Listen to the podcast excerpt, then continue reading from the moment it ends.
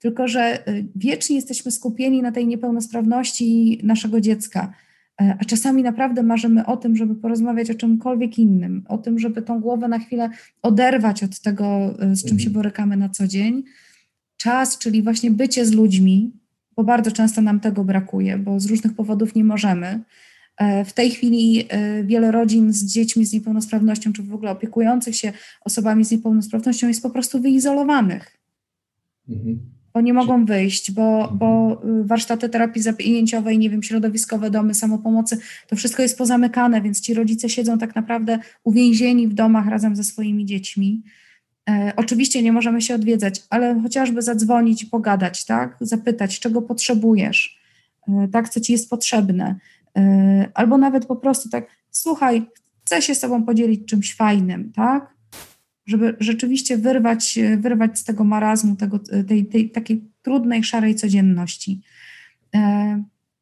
A już największym marzeniem wielu rodziców dzieci z niepełnosprawnością naprawdę jest krótki chociażby wyjazd, tak?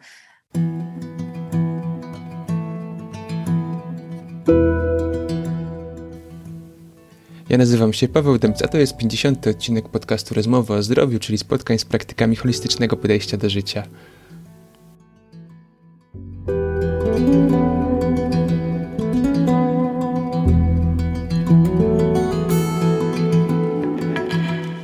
A w dzisiejszym odcinku nietypowy temat – ponieważ nie będziemy rozmawiali typowo o zdrowiu, o naszym zdrowiu, o jego poprawie, e, ale podejmiemy temat, e, który dotyczy nas e, także, może nie często nie bezpośrednio, ale spotykamy z nim się na co dzień, mianowicie chodzi o kontakt z osobami z niepełnosprawnościami, o realiach, z jakimi te osoby się spotykają, o problemach rodzin niepełnosprawnych, ale także o potencjale i możliwościach, jakie możemy uzyskać od, e, w takim kontakcie w pracy z osobami z niepełnosprawnościami.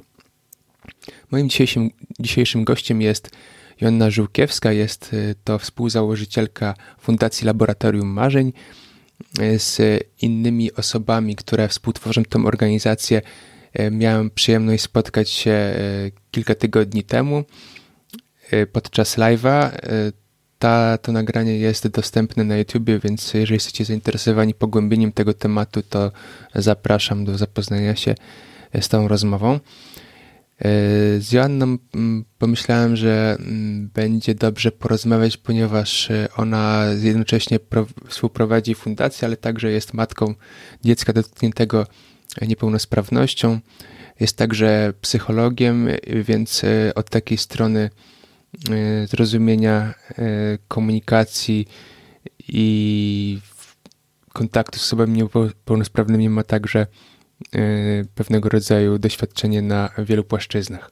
No i dzisiejsze tematy, które poruszymy, to mm, z jednej strony realia, z jakimi spotykają się matki po otrzymaniu diagnozy, czy też wyjściu ze szpitala z dzieckiem dotkniętym niepełnosprawnością, z ich codziennością, z tym, jak wygląda obecnie integracja w naszym społeczeństwie, co można zrobić, co nie działa, jak możemy sami przyczynić się do poprawu, poprawy kontaktu z dziećmi z niepełnosprawnościami, czego one potrzebują, czego nie chcą i dlaczego warto właśnie zwiększyć kontakt i traktować ich jako osoby, które są po prostu inne, a nie gorsze od nas.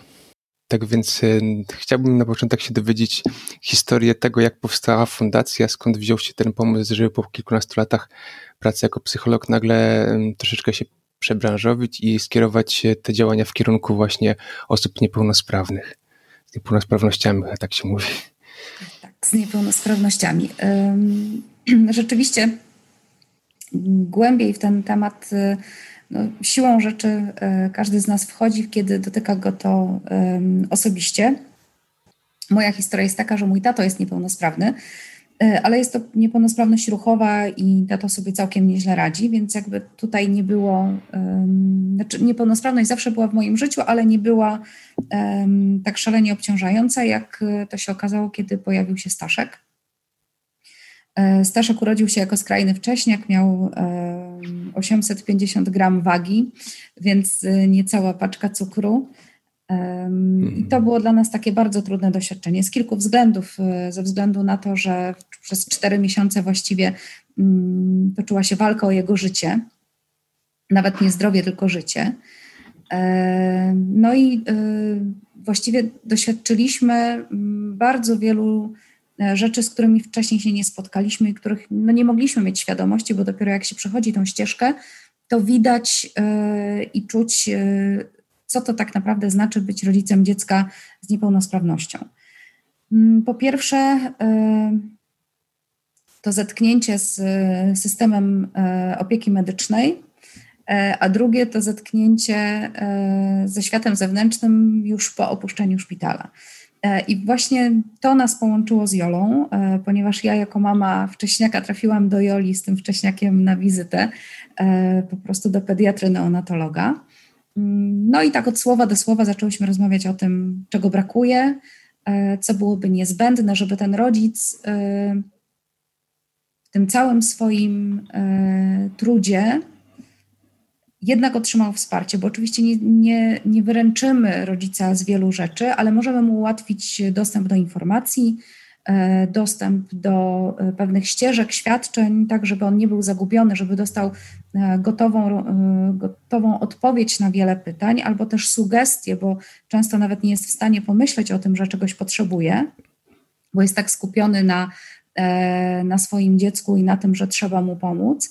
E, I to była tak naprawdę tak, e, taka najważniejsza nasza rozmowa, w której postanowiłyśmy, że, żeby tak naprawdę coś zrobić realnego, to trzeba być instytucją, żeby ta instytucja miała moc, miała swój adres i, i mogła występować w imieniu tych rodziców i mogła ich wspierać. Więc taka była historia powstania, mhm. powstania fundacji.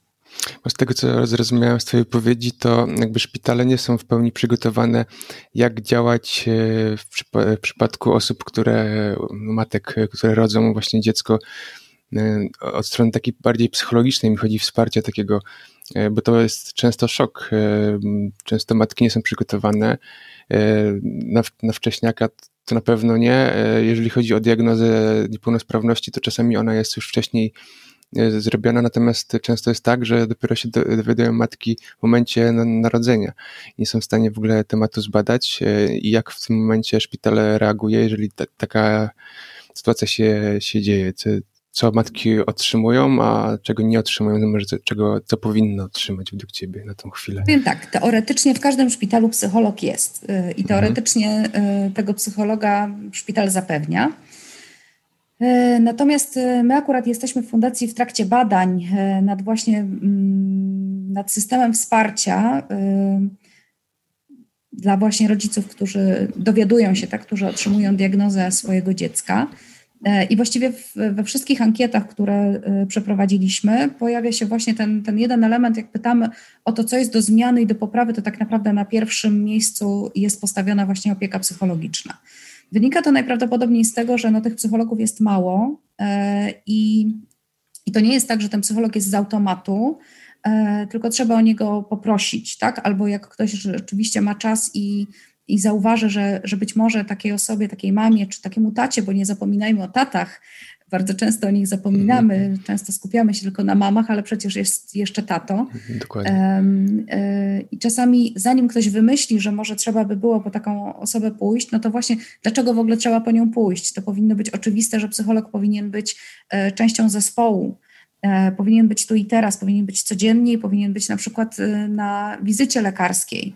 Po prostu powinien uczestniczyć w tym, widzieć, co się dzieje, na przykład na neonatologii z dzieckiem, słuchając opisu, tak, czy stan się poprawia, czy nie, no to właściwie to już możemy wnioskować, czy, czy rzeczywiście ten rodzic y, być może będzie potrzebował tego wsparcia, czy nie. Więc to jest y, taki pierwszy moment. Drugi moment e, bardzo ważny to jest to, że e, właściwie mm, rodzic nie wie nic. Nie wie nic, y, y, najczęściej nie wie nic o tej niepełnosprawności, chyba że już miał jakieś doświadczenia albo ze względu na wykształcenie e, po prostu taką wiedzę ma, ale tak jak mówię, sama tego doświadczyłam, że wykształcenie to nie to samo, co osobiste doświadczenie. Zupełnie jest to mhm. inna relacja, inny rodzaj um, czucia się, e, uważności na siebie, tak? No, to są inne emocje, to jest inna sytuacja życiowa w ogóle. Natomiast skoro nie ma tego psychologa i jesteśmy tu i teraz, to najczęściej y, chcemy jako rodzice dowiedzieć się czegokolwiek od, y, od personelu medycznego, który tak naprawdę nie jest dedykowany do tego, żeby nas wspierać. Znaczy, nie chcę, żeby to źle zabrzmiało, tak? ale lekarz jest od tego, żeby leczyć. Panie przecudowne, panie położne i panie pielęgniarki są od tego, żeby się opiekować naszym dzieckiem, no bo to ono jest y, najważniejsze i, i, tutaj to nie ulega wątpliwości.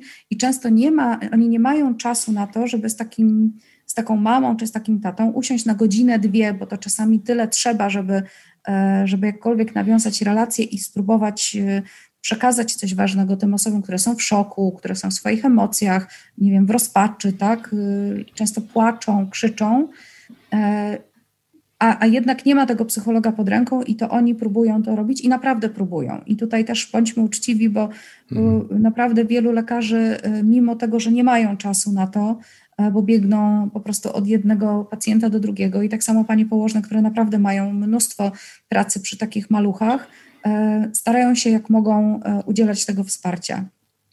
Więc ten rodzic jest taki pozostawiony w sumie trochę sam sobie, ze swoimi emocjami i zaczyna czytać, niestety najczęściej na Google, bo to jest pierwsze źródło informacji, a nie wszystkie informacje są tam rzetelne, to wiemy. Hmm, często sprzeczne. Dokładnie, często szuka na forach i to też jest ok, bo spotyka rodziców, którzy gdzieś już przeszli tą ścieżkę i mogą dać fantastyczne wsparcie, ale też um, ja czasami widzę takie, e, takie prośby na, e, na grupach dla właśnie dla mam wcześniaków, e, odezwijcie się, mamy dzieci tam z, na przykład z 30 tygodnia ciąży i wszystko w porządku, tylko że to nie jest porównywalne. To nie jest tak, że wszystkie dzieci z 30 tygodnia ciąży będą tak samo się rozwijać, więc też z taką mhm. uważnością. Musi być ktoś, czy powinien być ktoś, kto to też medycznie zweryfikuje i, i powie, jak jest w przypadku naszego dziecka, a nie nie będzie prze, e, przenosił jakichś innych doświadczeń. No i trzeci aspekt jest taki, że choć rodzice często jak są jeszcze na oddziale, to w to nie wierzą, no bo wiadomo, są w swoich emocjach e, i ta ich sytuacja jest, jest dramatyczna, ale my często w fundacji powtarzamy, że dopóki jest na oddziale, to jest w najlepszych możliwych rękach że no nie ma bezpieczniejszego miejsca dla, dla dziecka takich rodziców, E, niż ten oddział neonatologiczny, bo, bo tam naprawdę 24 godziny na dobę e, są osoby, które wiedzą, co robić, gdyby się coś, nie daj Boże, zdarzyło. Jest najlepszy sprzęt, bo, bo taka jest prawda. Tam jest naprawdę oddziały neonatologiczne mają najnowszy, najlepszy sprzęt, jakikolwiek e, w ogóle wymyślono i istnieje. Bo dla tych maluchów naprawdę robi się wszystko, więc nie ma bezpieczniejszego miejsca niż to miejsce na oddziale. A potem dochodzi do wypisu no właśnie. E, I z jednej strony jest euforia, no bo idziemy wreszcie do domu, możemy zabrać to nasze dziecko, a z drugiej strony jest ogromny, ogromny lęk i strach, no bo teraz to my już będziemy musieli się opiekować tym dzieckiem całościowo, bez pulsoksymetru, bez monitora, tak, oddechu e, i tak dalej. E, no i, i, i to mhm. jest naprawdę ogromny lęk. Ogromny lęk, e, co to będzie dalej mhm. Jak bez tego wsparcia właśnie medycznego, jak, czy ja dam radę, e, czy, czy nie przeoczę czegoś, tak? To moje dziecko jest takie małe, kruche, e, czy, czy rzeczywiście sobie poradzę. Tu też rodzice potrzebują wsparcia. No i to, czym, od czego zaczęliśmy, co dalej, czyli jak pokierować swoje kroki, co po mhm. kolei, jakie dokumenty są niezbędne, żeby uzyskać tą pomoc, którą możemy uzyskać choć ona nie jest wystarczająca. Y, jeżeli wejdziemy na jakąkolwiek y, stronę y, takich oficjalnych zbiórek, gdzie różne osoby proszą o wsparcie na rehabilitację, leczenie, to widzimy, jak, jak niedofinansowane są te obszary i jak bardzo brakuje właśnie tego wsparcia rodzinom, które opiekują się, mhm. no my mówimy dziećmi, bo my się dziećmi głównie zajmujemy, ale mamy świadomość też, że te dzieci dorastają i potem są dorośli z niepełnosprawnością. Jak bardzo jest to obszar niezaopiekowany. Okej, okay, ale jeszcze wróćmy do tego etapu, jakby matka jest w szpitalu i wszyscy oczywiście lekarze robią to, co mogą najlepiej ze swojej strony pielęgniarki, ale jak mówiłaś, po prostu czasami nie ma czasu ani e, przestrzeni, żeby ten jeden psycholog, który tam jest zatrudniony, obsłużył wszystkie matki, e, które potrzebują wsparcia w takim, e, a nie innym zakresie. I być może to jest właśnie przestrzeń do właśnie fundacji, które by współpracowały z tymi szpitalami i były tam na miejscu i reagowały w momencie, kiedy jest właśnie taka sytuacja wyjątkowa, bo wiadomo, narodzenie dziecka już jest sytuacją, która jak, e, całkowicie zdrowego kontaktu z psychologiem, bo to jest jednak całkowita zmiana trybu życia, a tym bardziej w przypadku, jeżeli to dziecko jest chore. E, czy takie, coś takiego się dzieje, że, że są właśnie fundacje, które są gotowe przyjść, albo mają podpisane jakieś taki, takie umowy ze szpitalami na, na bieżąco? Czy to, to nie jest wcale jest takie proste, mm. bo wejście osoby zewnętrznej, obcej jednak na teren szpitala, pamiętajmy, że to jest jednak też tajemnica e, lekarska, tajemnica mm. zawodowa, RODO Aha, e, tak. i tak dalej. Więc to musi być wszystko, to jest jednak ważne, bo to są jednak bardzo wrażliwe dane, to, są, to jest dostęp jednak do osoby, która która przeżywa bardzo e, trudny moment. To jest jedna rzecz, ale to nie jest niemożliwe.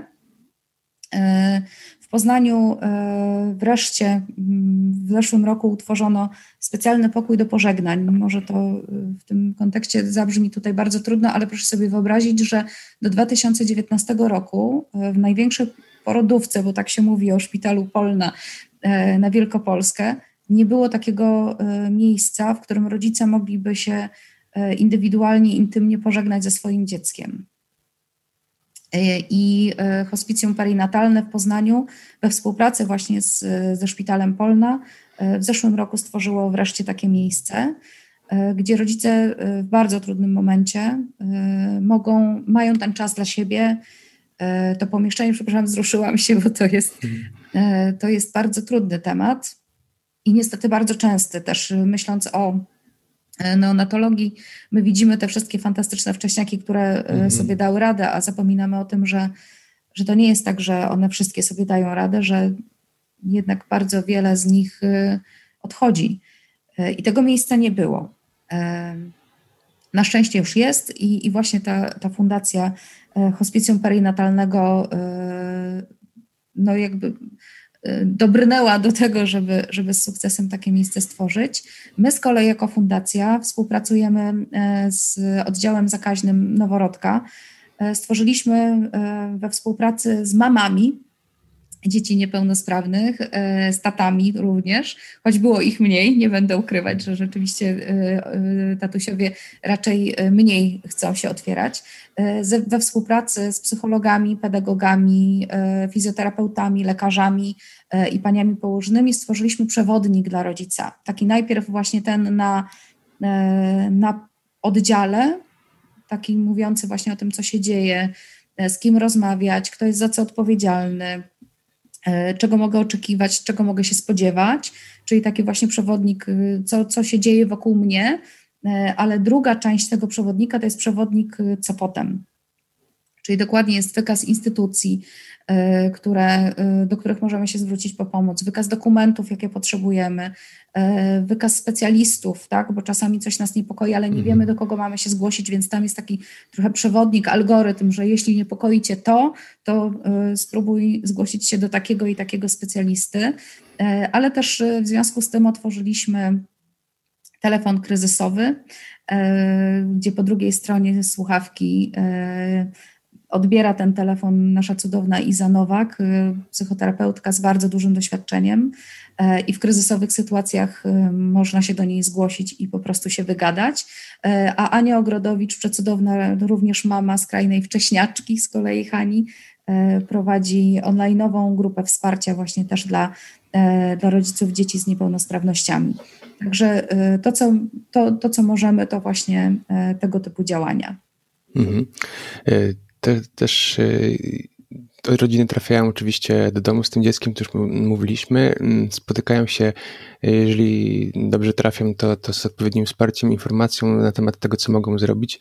No ale przychodzi taka proza życia, codzienność i zastanawiam się, zastanawiam się jak wyglądają takie realia rodzin, z dziećmi z niepełnosprawnościami, e, z jakimi takimi powtarzalnymi problemami spotykają się te, te rodziny, które być może łatwo można by mm, w sposób jakiś taki szerszy e, poruszyć i, i, i wyeliminować coś takiego, co dzieje się w tych rodzinach, a o czym się nie mówi według Ciebie. Dzieje się bardzo mhm. dużo, bo tak mhm. jak sam powiedziałeś, Pawle, e, już samo pojawienie się w ogóle dziecka mhm. w rodzinie zmienia całą sytuację o 180 stopni. E, a rzeczywiście dziecko z niepełnosprawnością wymaga jeszcze więcej uważności, e, jeszcze więcej energii, aktywności. Często właśnie też w obszarze, którego rodzice nie znają, więc też się dopiero wszystkiego uczą. Natomiast może to zabrzmi przykro i brutalnie, ale tak naprawdę największym problemem są finanse. E, niestety e, GUS podaje mm, dane co, co, co jakiś czas, dane na temat sytuacji rodzin i okazuje się, że około 80% rodzin, w których pojawia się dziecko z niepełnosprawnością, e, natychmiast spada na próg ubóstwa bądź skrajnego ubóstwa. Więc to niestety wiele mówi. Bardzo często jest tak, że w momencie pojawienia się dziecka z niepełnosprawnością jedno z rodziców musi zrezygnować z pracy, po prostu. E, mhm. Bo nie ma takiej możliwości, żeby, żeby ta osoba chodziła do pracy. W związku z tym ciężar z, y, utrzymania tej rodziny spoczywa na jednej osobie. Jeszcze do tego, jeśli sobie pomyślimy, że jest na przykład starsze rodzeństwo, tak, czyli to nie jest jedyne dziecko, e, to mamy kolejne dzieci, które też potrzebują przecież zaopiekowania, zarówno takiego emocjonalnego, wychowawczego, rodzinnego, ale też finansowego po prostu. E, no za coś trzeba żyć, coś trzeba jeść i w coś trzeba się ubrać. Mm, a z kolei rodzic, który zostaje e, w domu, e, aby opiekować się tym dzieckiem z niepełnosprawnością, otrzymuje oczywiście świadczenie, jeżeli takowe dostanie, bo to też jest kolejny problem, czy, czy rzeczywiście dostanie to świadczenie. Jeśli je dostanie, to to jest 1800 zł na miesiąc. Mhm. E, no nie czarujmy się, tak? To nie jest e, jakiś ogrom pieniędzy. Mm, do tego e, nie wiem, czy miałeś okazję śledzić, ale właśnie zaczynamy wreszcie mówić o tym, że matki, bo to głównie mamy, no taka jest sytuacja w naszym kraju, że częściej mężczyźni więcej zarabiają niż kobiety, w związku z tym no, w sposób naturalny rezygnujemy z tej niższej pensji, tak, jeśli już musimy zrezygnować. To jest też y, oczywiste. E, więc głównie mamy, ale po prostu osoby, które się opiekują takimi e, osobami niepełnosprawnymi długotrwale, e, one nie mają na przykład prawa do emerytury. To są tego typu problemy. Tak? W momencie śmierci dziecka czy tej osoby niepełnosprawnej, no, te osoby zostają bez niczego. Mhm. To jest tragiczne. Aczkolwiek no, nie mają wyjścia. E, nie mają wyjścia, dlatego że nie mamy e, tak naprawdę dobrze zorganizowanej opieki wytchnieniowej, nie mamy tak naprawdę dobrze zorganizowanej w ogóle opieki nad osobami z niepełnosprawnością. E, w Poznaniu powstaje dom autysty, czy już właściwie prawie jest ukończony, już tam się dzieją przecudowne rzeczy, ale to też jest inicjatywa rodziców. My nie mamy systemowego rozwiązania, które pozwalałoby rodzicom skutecznie funkcjonować przy zapewnionej opiece nad y, osobą, najpierw dzieckiem, a potem dorosłą osobą e, z niepełnosprawnością. Mamy mhm. oczywiście domy pomocy społecznej, tylko wszyscy wiemy, jak one są niedofinansowane. Zresztą to przy pierwszej fali COVID-u dokładnie y, wyszło, że właściwie nie ma tam personelu, że jak tylko zabraknie jednej osoby, to tak naprawdę opieka nad tymi osobami e, no, się nie odbywa, bo nie ma kto tego robić. E, więc no, rodzice robią wszystko, żeby tych swoich dzieci nie oddawać do DPS-ów, bo wiedzą, jak tam jest. E, a potem, nie wiem, czy miałeś okazję czytać taką książkę o bardzo znamiennym tytule, Aby umarło przede mną. Nie. Bo o to się naprawdę modlą rodzice dzieci z niepełnosprawnościami, które są od nich całkowicie zależne. Żeby umarło przede mną. Bo co będzie, jak mnie zabraknie, to kto się zaopiekuje tym dzieckiem? Mhm. To jest taki bardzo trudny element bycia rodzicem dziecka z niepełnosprawnością. E, a poza tym wchodzą takie bardzo prozaiczne, tak? To, że nie możemy wyjechać na wakacje, to, że jesteśmy nietolerowani w różnych miejscach publicznych, bo nasze dzieci są inne albo inaczej się zachowują, bo są, nie wiem, głośniejsze albo potrzebują zupełnie innych bodźców. To jest to, że E, jak jedziemy na wakacje, to jesteśmy oceniani negatywnie, no bo przecież mamy chore dziecko, a my sobie wymyślamy jakieś fanaberie, tak? E, jak to jest, że rodzice w ogóle wychodzą do kina, do teatru, no jakim prawem, tak? A kto się w tym czasie zajmuje dzieckiem? Mhm. No dokładnie, właśnie e, też e, jakby skupione nasze działanie, często i nawet pomocowe działanie na takich podstawowych potrzebach tych, tych rodzin niepełnosprawnych, bo tutaj, jak mówisz, jest e, dziecko takie potrzebuje wielu wiem, sesji rehabilitacyjnych, e, wsparcia wielu specjalistów, być może leków, które też kosztują i często nie są refundowane. No i tak jak mówisz, jedna osoba z rodziny jest często wyłączona z, z pracy, więc więc, to jest, więc e, nie ma tego budżetu, żeby zapewnić coś więcej ponad te, te minimum, chociaż to minimum nawet nie jest zapewnione. E, I tutaj właśnie Wasza fundacja wyszła z takim bardzo ciekawym podejściem, żeby e, skupić się na tych marzeniach tych dzieci, które tak naprawdę są tylko od rehabilitanta do rehabilitanta często wożone, a nie, nie ma czasu ani pieniędzy, żeby zapewnić im cieszenia się po prostu życiem bo jest walka, żeby po prostu mogli, mogły funkcjonować. E, jak, jak ta, ta wasza działalność wygląda? Jak, jak pomagacie takim dzieciom e, w, w ten sposób? Tak, to jest bardzo ciekawy aspekt i tak sobie myślę, że, że będziemy go cały czas jeszcze rozwijać, bo chyba dzięki temu um, też docieramy do wielu osób, ale to za chwilę.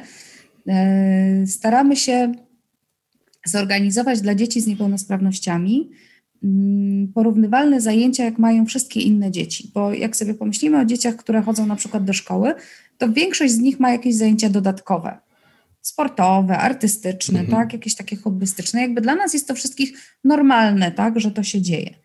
E, I to, co powiedziałeś, myśląc o dzieciach z niepełnosprawnościami, e, właściwie skupiamy się tylko na leczeniu i na rehabilitacji, zapominając o tym, że życie nie składa się tylko z leczenia i rehabilitacji i nauki, e, ale że każdy z nas ma marzenia i każdy z nas też chce mieć taki, e, taki kawałek życia, w którym realizuje siebie, w którym e, ma sukcesy, rozwija swoje pasje, gdzie czuje się doceniony, gdzie robi coś, co lubi.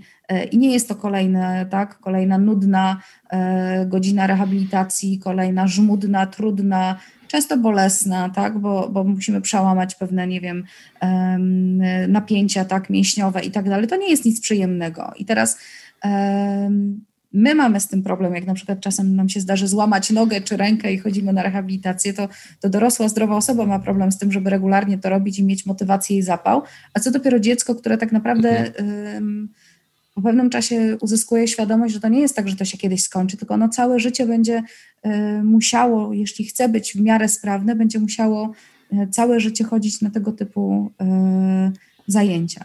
Więc tak, w rozmowach, i właściwie to też jest ciekawe, że to właściwie idea naszego laboratorium pasji, bo tak to się nazywa, powstała z rozmowy z dziećmi.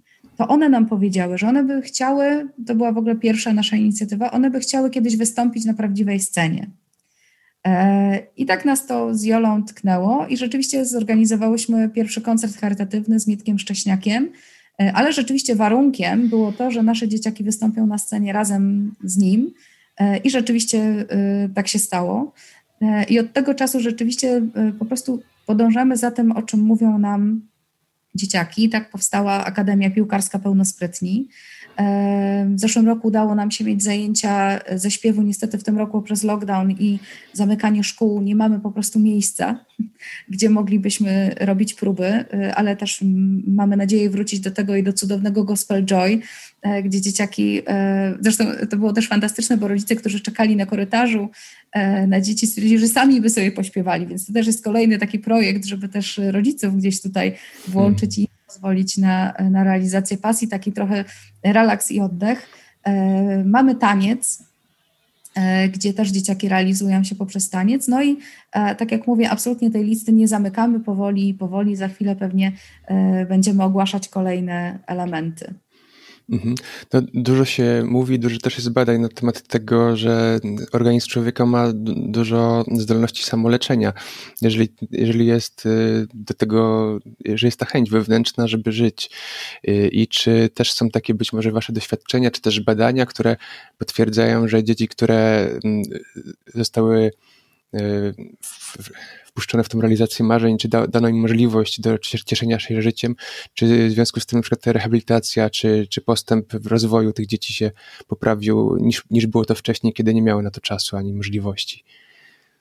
Ja opowiem takie, e, takie dwie sytuacje. Pierwsza sytuacja to była sytuacja, e, gdzie rehabilitanci rzeczywiście, znaczy rodzice oczywiście nam przynoszą te informacje, ale rehabilitanci mówią, że od momentu, jak dzieciaki chodzą na piłkę głównie, bo jakby tutaj dłużej trwa ta akademia, więc mamy większe, e, większe doświadczenie, że e, pojawiają się nowe, nowe umiejętności, takie, których długo nie dało się wypracować, a poprzez ten element, że jest ta motywacja pójścia na piłkę i że to, co wypracowuję na rehabilitacji, przyda mi się potem w bieganiu i w tym, żeby być lepszym piłkarzem, to powoduje, że ta rehabilitacja idzie zdecydowanie większym tempem E, i łatwiej w tym sensie, że rzeczywiście e, ten młody człowiek ma motywację. A druga sytuacja e, to ta, której doświadczyliśmy właśnie na koncercie Mietka Szcześniaka, gdzie przepiękna, cudowna nasza uczestniczka koncertu akurat tańczyła, nie śpiewała, tylko tańczyła. To była dziewczynka z zespołem Downa i wystąpiła na scenie ze swoją trenerką. E, to był taniec współczesny, tańczyła do Amelii, więc to w ogóle było niesamowicie wzruszające. E, natomiast rehabilitanci, którzy byli przez nas zaproszeni i byli na widowni, powiedzieli, że nigdy na rehabilitacji nie uzyskaliby tak płynnego i pięknego ruchu, e, jak właśnie mogli zaobserwować, i to ich dopiero tknęło, że, że no właśnie, tak, że ten taniec mhm. i ta motywacja to jest zupełnie coś innego niż to żmudne powtarzanie ćwiczeń na, na rehabilitacji. Choć oni i tak jakby chylę czoła, bo, bo stają na głowie, żeby ta rehabilitacja była ciekawa, w formie zabawy i tak dalej, ale jednak to nie jest to samo, kiedy ja idę na zajęcia, które, e, które, na, które sama wybieram, tak? Bo to dziecko samo wybiera ten rodzaj zajęć. Więc ja chcę i ja mam motywację, żeby tam pójść i zrobię wszystko, żeby tam e, jak najlepiej funkcjonować. Mhm. No tak, tutaj to, to przynosi się także w normalnym e, rozwoju dzieci, czy, czy nas samych, jeżeli wychodzi z serca to, co chcemy robić rzeczywiście, to ta nauka idzie pięć razy lepiej niż to, co nam narzuci system edukacji, czy też, też potrzeby, które, które robimy.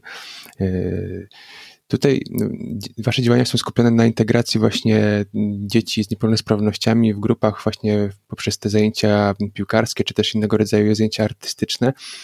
E, jest też taki temat jak integracja dzieci pełnosprawnych i z niepełnosprawnościami poprzez różnego rodzaju działania, e, chociażby w klasach integracyjnych e, czy innego rodzaju działaniach z poziomu społecznych, społeczno-rządowych. Jak z Twojej praktyki wygląda ta integracja obecnie w szkołach, w społeczeństwie? Co tutaj działa, co nie działa? Jak, jak to według Ciebie wygląda? Bardzo trudne pytanie, bo jakby jeśli powiem teraz oficjalnie, że jestem przeciwna klasom integracyjnym, to mnie wszyscy od czci i wiary tutaj odsądzą, ale już tłumaczę dlaczego. Jestem przeciwna im w takim kształcie, jaki jest teraz. Bo to nie może być tak, że mamy klasę, w której jest, bo tak jest według prawa, do pięciorga dzieci z niepełnosprawnościami. Te dzieci mają różne niepełnosprawności i całą piątką zajmuje się jeden nauczyciel wspomagający. To jest nie do przyjęcia, dlatego że jeśli ja mam wśród tej piątki na przykład dziecko z niepełnosprawnością ruchową, do tego dziecko e, z, ze spektrum autyzmu na przykład, tak, dziecko z zespołem Downa, e, i jeszcze z jakimiś różnymi zaburzeniami, na przykład zachowania, to jedna osoba nie jest w stanie się nimi zaopiekować. I siłą mhm. rzeczy w tym momencie cała reszta klasy, która nie ma e, orzeczeń, po prostu traci. Ja absolutnie rozumiem rodziców, e, którzy mają duże obawy i nie do końca są zadowoleni z tego, że ich dziecko do takiej klasy chodzi. E, powinniśmy to zorganizować w ten sposób, żeby tam, gdzie jest to możliwe, żeby te dzieci jak najwięcej przebywały z sobą, żeby miały jak najwięcej wspólnych aktywności, żeby jak najwięcej uczyły się od siebie, uczyły się o tej inności, ale tam, gdzie wchodzi już edukacja, gdzie jednak te różnice mimo wszystko będą zauważalne, żeby te dzieci, które mają które są obarczone niepełnosprawnością,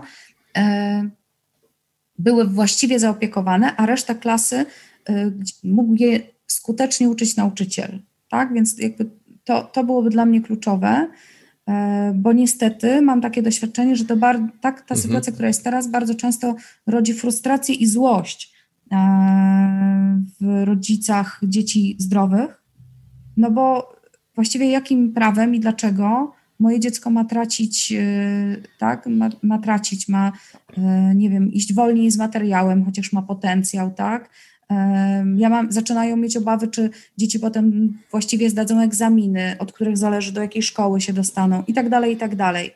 Więc absolutnie ich rozumiem. Mhm. Natomiast uważam z kolei z drugiej strony, że jest niezbędnym, żebyśmy się integrowali jak najwcześniej, e, dlatego że tu znowu się powołam na badania GUS-u, niestety, ale takie mamy. W 2015 roku zostały zrobione badania, które zbadały, jak bardzo y, nasze społeczeństwo jest chętne, aby wspierać osoby właśnie z niepełnosprawnością. I niestety okazuje się, że około 70% y, naszego społeczeństwa nie chce mieć do czynienia z osobami z niepełnosprawnością intelektualną. Po prostu. Y, mhm. Myślę, że to wynika z tego, że nie znamy tych osób i się ich boimy. No tak, tutaj jest jakaś obawa, którą obserwuję, że że jest taka jakiś rodzaj strachu przed nieprzewidywalnością, która się może wydarzyć tak, ze strony tego dziecka, albo nie, braku wiedzy na temat, jak powinienem zareagować, może jakoś specjalnie, może czegoś nie powinienem zrobić. Stąd e, pojawia się ta, chyba ta ściana e, w tym, w tym kontakcie. E, no właśnie. Mhm. Mhm. A jak mówisz, właśnie klasy integracyjne nie są dobrym rozwiązaniem, e, a z kolei na przykład stworzenie osobnej klasy dzieci niepełnosprawnych to będzie ciężkie, bo nie będzie tylu dzieci niepełnosprawnych o podobnych rodzajach niepełnosprawności, żeby to jakoś było w, wspólnie. Szkoły całkiem oddzielne to też, też nie jest, więc nie jest to prosta sprawa. E, wspólne zajęcia, może dla tych dzieci wspólna zabawa, ale myślę, że wydaje, że te, szczególnie te pierwsze lata dzieciństwa, pierwsze klasy od 1 do 3, te, tam dzieci nie mają takich uprzedzeń wobec siebie, a z czasem, z czasem ten dystans się pojawia, to po prostu społeczeństwo. Tak, ale na przykład takie zajęcia jak plastyczne, muzyczne, tak, czy właśnie na mhm. przykład y, y, y, związane z ruchem fizycznym, tak, bardzo skutecznie możemy mieć je razem, tak, e, mhm. więc jakby no, to naprawdę, gdyby dobrze to przemyśleć i zorganizować, to jest do zrobienia. Tylko właśnie trzeba pomyśleć o tym, że no niestety, ale y, no znowu się trochę o finanse rozbijamy. No nie może być jeden nauczyciel wspierający dla piątki dzieci. Po prostu nie mhm. może.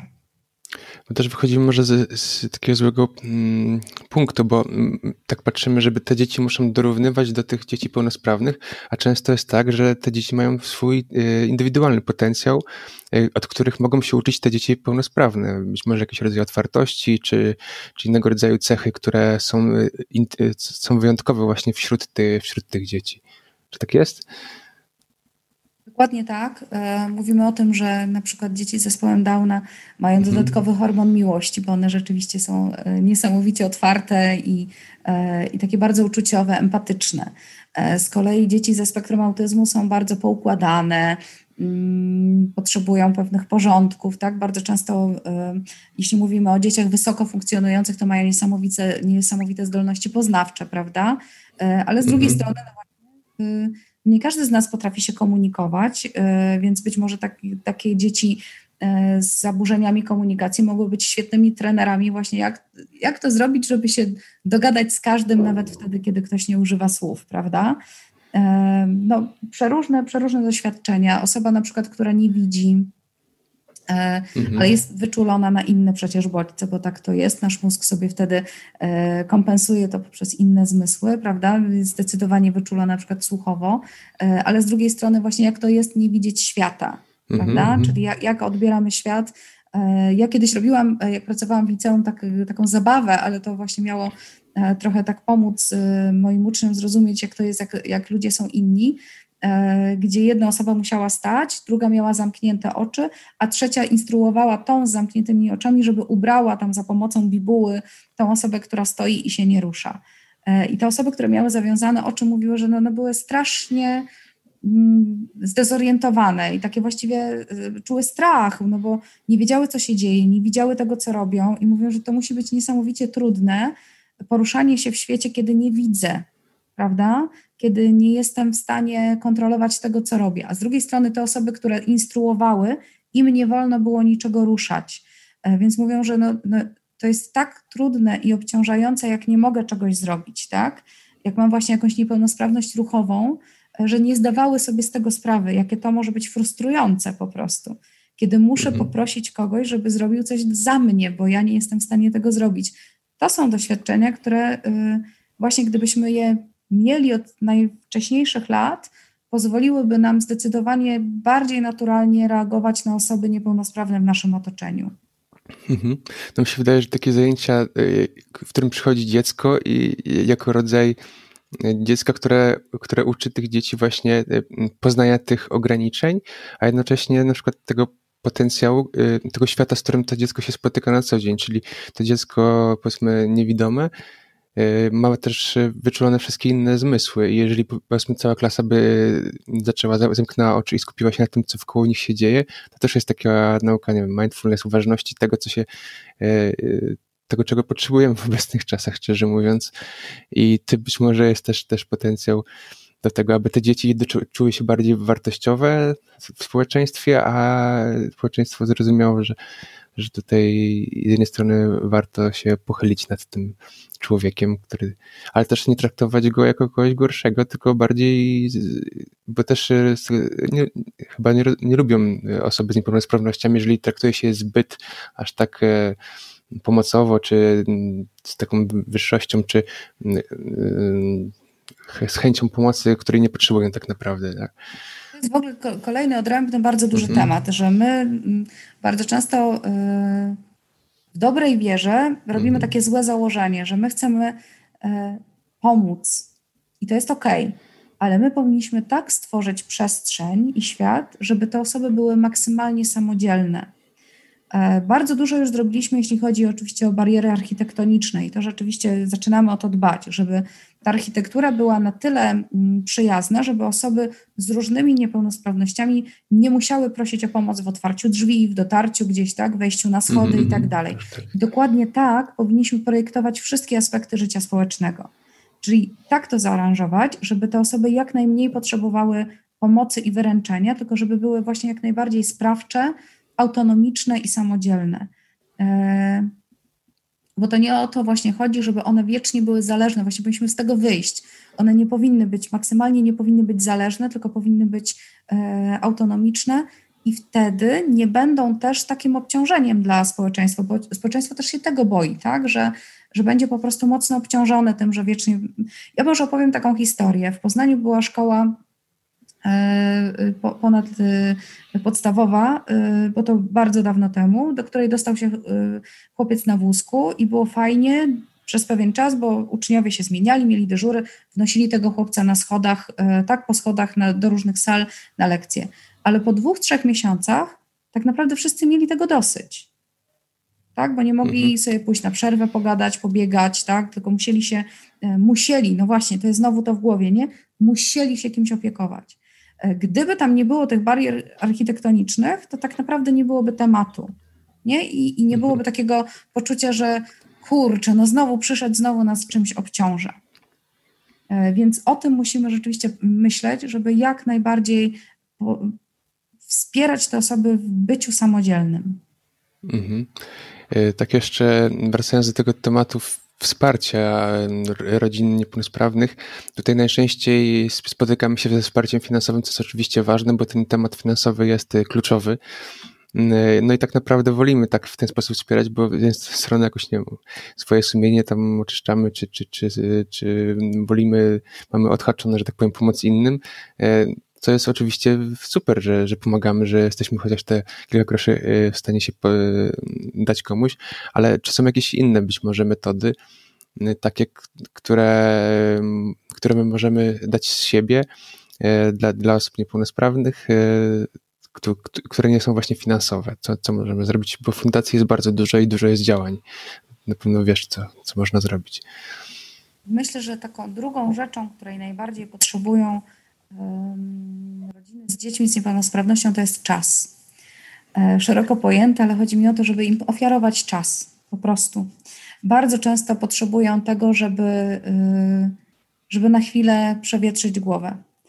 E, żeby na przykład, tak mamy bardzo często to mówią, żeby się po prostu chociaż raz wyspać.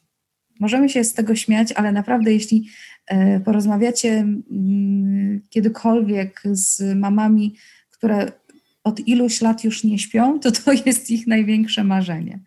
E, mhm. Czasami naprawdę takie zwykłe pytanie, słuchaj, to, to też mieliśmy okazję rozmawiać z mamami i to nie jest coś, co ja wymyślam w tej chwili. Myśmy to usłyszeli. Na przykład takie, żeby sąsiadka na przykład, słuchaj, nagotował mi się za duży gar zupy, chcesz? Tak? Jakby mhm. dam ci tej zupy. Czemu nie, nie? I kurczę, no nie muszę dzisiaj nic gotować, tak? Między podaniem, nie wiem, leku, a, a inhalacją, tak? I tak dalej, i tak dalej. E, czas w tym sensie, żeby na przykład pogadać o wszystkim i o niczym, E, żeby potraktować właśnie nie, nie ciągle, bo my też się spotykamy z tym, że jak gdzieś przychodzimy, no i co tam, ja też to ciągle słyszę, no i co tam u Stacha, tak? I mhm. super. Tylko, że e, wiecznie jesteśmy skupieni na tej niepełnosprawności naszego dziecka. E, a czasami naprawdę marzymy o tym, żeby porozmawiać o czymkolwiek innym, o tym, żeby tą głowę na chwilę oderwać od tego, z czym mhm. się borykamy na co dzień. Czas, czyli właśnie bycie z ludźmi, bo bardzo często nam tego brakuje, bo z różnych powodów nie możemy. E, w tej chwili e, wiele rodzin z dziećmi z niepełnosprawnością, czy w ogóle opiekujących się osobami z niepełnosprawnością jest po prostu wyizolowanych. Mhm. Bo nie mogą Czyli... wyjść, bo, mhm. bo y, warsztaty terapii zajęciowej, nie wiem, środowiskowe domy samopomocy, to wszystko jest pozamykane, więc ci rodzice siedzą tak naprawdę uwięzieni w domach razem ze swoimi dziećmi. E, oczywiście nie możemy się odwiedzać, ale chociażby zadzwonić i pogadać, tak? Zapytać, czego potrzebujesz, e, tak, co ci jest potrzebne. E, albo nawet po prostu tak, słuchaj, chcę się z tobą podzielić czymś fajnym, tak? Żeby rzeczywiście wyrwać, wyrwać z tego marazmu, tego, tej, tej takiej trudnej, szarej codzienności. E, a już największym marzeniem wielu rodziców y, dzieci z niepełnosprawnością naprawdę jest krótki chociażby wyjazd, tak? E, nie powiedzieliśmy tutaj o bardzo ważnej też rzeczy, że bardzo wielu rodziców zapomina o tym, że, że są jeszcze parą i małżeństwem. Mhm. E... No tak, to dziecko staje się numer jeden, a tym bardziej dziecko, które jest chore. Mhm. Prawda? I no niestety statystyki w Polsce pokazują, że 8 na 10 rodzin się rozpada, kiedy pojawia się dziecko z niepełnosprawnością, bo jest to tak obciążające, bo, bo właśnie przestaje już być ta relacja y, też w parze, y, tak, kobieta, mężczyzna, tylko jesteśmy tylko i wyłącznie opiekun, nawet nie rodzicami, ale opiekunami dziecka z niepełnosprawnością, tak? To, co powiedzieliśmy na początku, najczęściej mąż sam siebie oddelegowuje do, do tej ciężkiej pracy, no bo musi to wszystko utrzymać, e, mhm. a, e, a żona, tak mama, oddelegowuje się do, do trudu opieki nad tym dzieckiem i tak naprawdę zapominają o sobie, zapominają o tym, że niezwykle jeszcze jest istotna relacja między nimi, więc czasami takie zaoferowanie im po prostu na przykład randki, tak? Słuchajcie, to ja zostanę, mhm, tak? A wy po prostu idźcie. Spróbujcie mhm. najpierw, bo to też nie jest takie łatwe z rodzicami, tak? Bo, mhm. bo my się boimy czasami zostawić to nasze ukochane dziecko, no bo przecież nikt się nim lepiej nie zaopiekuje niż my, więc spróbujmy najpierw, nie wiem, na godzinę, bądźmy pod telefonem. Jak, jak się uda na godzinę, to może następnym razem wyjdą na dwie, może pójdą do kina wtedy, tak? I wyciszą te telefony. Y, to są takie naprawdę drobiazgi. To nie chodzi o pieniądze. Naprawdę nie chodzi w dużej mierze o pieniądze, tylko o to, żeby ktoś dał tym, tym rodzicom taką możliwość przez chwilę oderwania się od, od tej niepełnosprawności swojego dziecka. Mhm. No tak, czyli w sumie niewiele potrzeba. Jeżeli mamy wśród rodziny znajomych te, te, takie osoby, takie rodziny, no to, to wystarczy, jak mówisz, znaleźć tą godzinę czasu, żeby zająć się, się ich dzieckiem i, i dać im tą przestrzeń y, takiej wolności dla siebie przez chwilę. E, być może część z nas w ogóle nie ma doświadczeń, ani nawet wśród rodziny czy znajomych, e, e, jeżeli chodzi o rodziny z takimi problemami. Czy są jakieś listy rodzin, do których można się odezwać, czy znaleźć, na przykład, które potrzebują takiego rodzaju pomocy? Jest bardzo wiele miejsc, które na przykład werbuje wolontariuszy, którzy mhm. właśnie tak, bo, bo, to też jest. To, znaczy tak, myśmy to powiedzieli tak prosto, ale oczywiście jeśli mówimy na przykład o osobach, które są w trudnych stanach, no to wtedy rzeczywiście musimy mm, myśleć też o tym, że tam jest dość specyficzna opieka, tak? Też troszkę pielęgniarska, więc też nie każdy z nas się do mhm. tego nadaje, nie każdy z, albo trzeba się tego nauczyć, tak? Więc są takie mhm. organizacje, które e, w ten sposób szkolą wolontariuszy na przykład, tak? Jak, jak to opiekować, albo werbują właśnie osoby z wykształceniem medycznym, tak? E, natomiast e, jest coś takiego jak opieka wytchnieniowa. Próbujemy ją w Polsce wdrożyć, tak może to nazwę delikatnie, że próbujemy na ten moment. I rzeczywiście y, wtedy można, y, można w takiej organizacji, jak już zostaniemy przeszkoleni, bo to też, jest niezwykle istotne, żebyśmy wiedzieli, y, na co tak naprawdę się decydujemy i, i co chcemy zrobić, żebyśmy mieli tego świadomość, z czym to się może wiązać, to wtedy możemy, rzeczywiście zostaniemy skierowani do, do takiej rodziny, I to też nie jest tak, że od razu nam ktoś powie, że to dziecko i wyjdzie, tak? Tylko mhm. rzeczywiście y, najpierw musimy się poznać, musimy się zaakceptować i jedna strona i druga strona to nie jest y, wcale takie proste. I dopiero potem, jak już wszyscy sobie zaufamy, bo zaufanie tutaj będzie słowem kluczem, e, to wtedy dopiero może dojść do tego, że e, będziemy mogli zostać staną osobą z niepełnosprawnością. Mhm. No teraz jeszcze mamy wyjątkowo szczególne e, czasy, ponieważ tak jak mówiłaś, wszyscy są pozamykani w domach, nie ma tych ośrodków czynnych, nie ma podstawowego dostępu często do rehabilitacji, a co dopiero do, do jakiegoś innego rodzaju aktywności e, właśnie sportowych czy, czy artystycznych. E, czy tutaj też są jakieś działania na, na przestrzeni takiej online'owej, bo z tego co rozmawialiśmy, to jest samo już, już działania, terapeuci próbują pracować online, jak, jak to wygląda teraz na dzień dzisiejszy w praktyce? Jakie są potrzeby, jakie są możliwości w stosunku do potrzeb? Tak, oczywiście, no próbujemy pracować online, e, natomiast no, nie czarujmy się, to nie jest to samo, prawda? To nie jest to samo jak kontakt z żywym człowiekiem. No ale tak, no, mamy taki czas, nie ma co narzekać, tylko trzeba e, próbować robić to co, to, co możemy i rzeczywiście tak, ten kontakt, zajęcia, zabawy, gry, rozmowy, tak, zainteresowanie to też jest niezwykle istotne, tak? To, że dajemy uważność y, i zainteresowanie tym osobom, zarówno y, osobom z niepełnosprawnościami, jak i ich rodzinom, y, bo nie zapominajmy cały czas o tym, że no ktoś się nimi opiekuje i też czasami potrzebuje się wygadać, wypłakać, tak, ponarzekać, albo usłyszeć, co się na świecie dzieje, tak, bo nie ma czasu. Więc tak, rzeczywiście online'owo zarówno terapię, jak i Y, tak jak mówię, no my prowadzimy grupę wsparcia, prowadzimy ten telefon zaufania, e, też y, tak zajęcia dla dzieci. Mamy cudowną też panią Anię y, Kucz, która prowadzi fantastyczne zajęcia dla dzieci terapeutyczne online właśnie, nawet grupowe, e, więc to, to też mo, można, można w ten sposób próbować. E, no jest to substytut, no ale nie mamy innego wyjścia na ten moment. Mhm. Czyli jeżeli ktoś by chciał, ma jakiś pomysł, który, który mógłby pomóc e, rodzinom niepełnosprawnym, z dziećmi z niepełnosprawnościami, no to może się do Was zwrócić jako, jako fundacji, żeby, albo na przykład e, możecie go poinstruować, żeby w jakiś sposób e, mógł stać się wolontariuszem, bo rozumiem, że tutaj w zależności od niepełnosprawności to nie trzeba mieć kształcenia medycznego, żeby, żeby zająć się taką pomocą. Tak, oczywiście. Zapraszamy bardzo serdecznie do kontaktu. E, mamy też taki pomysł właśnie na wsparcie mm, dzieciaków, no, które są niestety obarczone teraz zdalną nauką, no bo tak jest, mhm. na to, mhm. żeby właśnie też je wspierać i wspierać też tych rodziców, którzy, e, no, którzy no, są w trudnej sytuacji. Tak? Nie dość, że są opiekunami, to jeszcze stali się nauczycielami swoich dzieci, czyli występują w takiej podwójnej roli. Także zapraszamy serdecznie, jeśli tylko macie chęć, czas, to jest też niezwykle istotne, żeby mieć ten czas, e, bo to jest też ważne. Mm, trudność w, pracy, z, szczególnie z dziećmi z niepełnosprawnością, jest taka, że my naprawdę, jak już się zdecydujemy, no musimy być na 150% zdecydowani. To nie może być tak, że my po drugim, trzecim spotkaniu powiemy: Nie, to chyba nie dla mnie.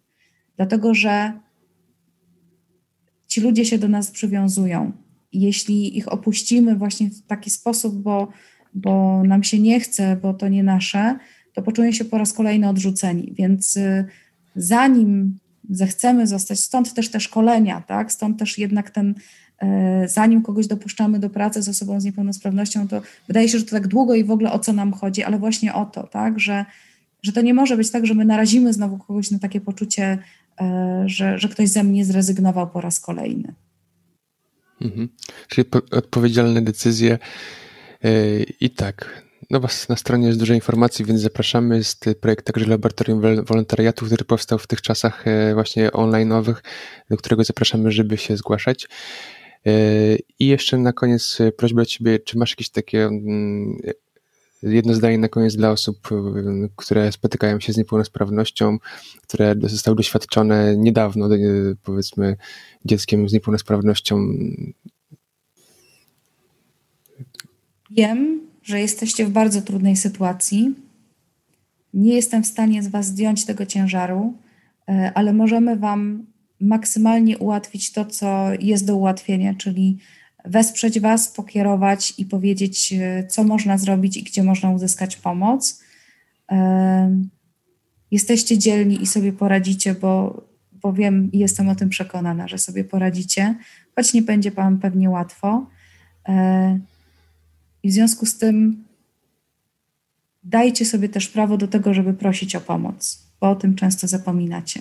Dajcie sobie prawo do tego, żeby czasem mieć chwilę słabości yy, i dajcie sobie prawo do tego, żeby mówić o tym, kiedy jest Wam źle, bo jesteśmy od tego, żeby Was wesprzeć i Wam pomóc. Tak więc tak, oczywiście dziękuję za te słowa, dziękuję za całą dzisiejszą rozmowę. E, Asiu i mm, wszystkich e, zachęcamy do wsparcia, czy to e, realnego, czy, czy finansowego Fundacji Laboratorium Marzeń. A być może czasem jeszcze się zobaczymy, jeżeli temat, być może właśnie z tematu z komunikacji, który także jest ważny, nie tylko jeżeli chodzi o komunikację z osobami z niepełnosprawnościami, ale także między nami. Dziękuję jeszcze raz i do zobaczenia w kolejnym odcinku. Tak więc dziękuję Ci za wysłuchanie tej dzisiejszej rozmowy. E, tak jak wspomniałem na tym spotkaniu na poprzednim, istnieje inicjatywa Laboratorium Wolontariatu, w której zaczynam uczestniczyć. Jest to inicjatywa, w której Ty możesz także bez żadnego wykształcenia, tylko z chęcią i pomocy drugiemu człowiekowi e, właśnie pomóc dziecku z niepełnosprawnością, poświęcając tą godzinkę powiedzmy w tygodniu na odrabianie wspólne lekcji, na wspólną zabawę online E, na e, wspólne, mm, kreatywne e, inicjatywy z Twojej strony. Jeżeli potrafisz coś ciekawego robić i podzielić się tym z dzieckiem, to zapraszamy serdecznie do dołączenia do, tego, do tej inicjatywy. Te zajęcia odbywają się online i wcześniej przed zajęciami mamy kilka takich spotkań wprowadzających, jak rozpocząć taką pracę, jakie są do tego narzędzia, jakie są potrzebne umiejętności, jak wygląda E, kontakt z takim dzieckiem. E, będzie mi bardzo miło, jeżeli będziesz chciał, chciała dołączyć. E, najlepiej skontaktuj się bezpośrednio z Fundacją Laboratorium Marzeń, bądź też napisz do mnie, a ja skieruję do odpowiednich osób, które powiedzą Ci co i jak możesz zrobić, żeby rozpocząć pomoc innym. Dziękuję Ci za wysłuchanie tego dzisiejszego odcinka. No i do usłyszenia w kolejnych. Pozdrawiam.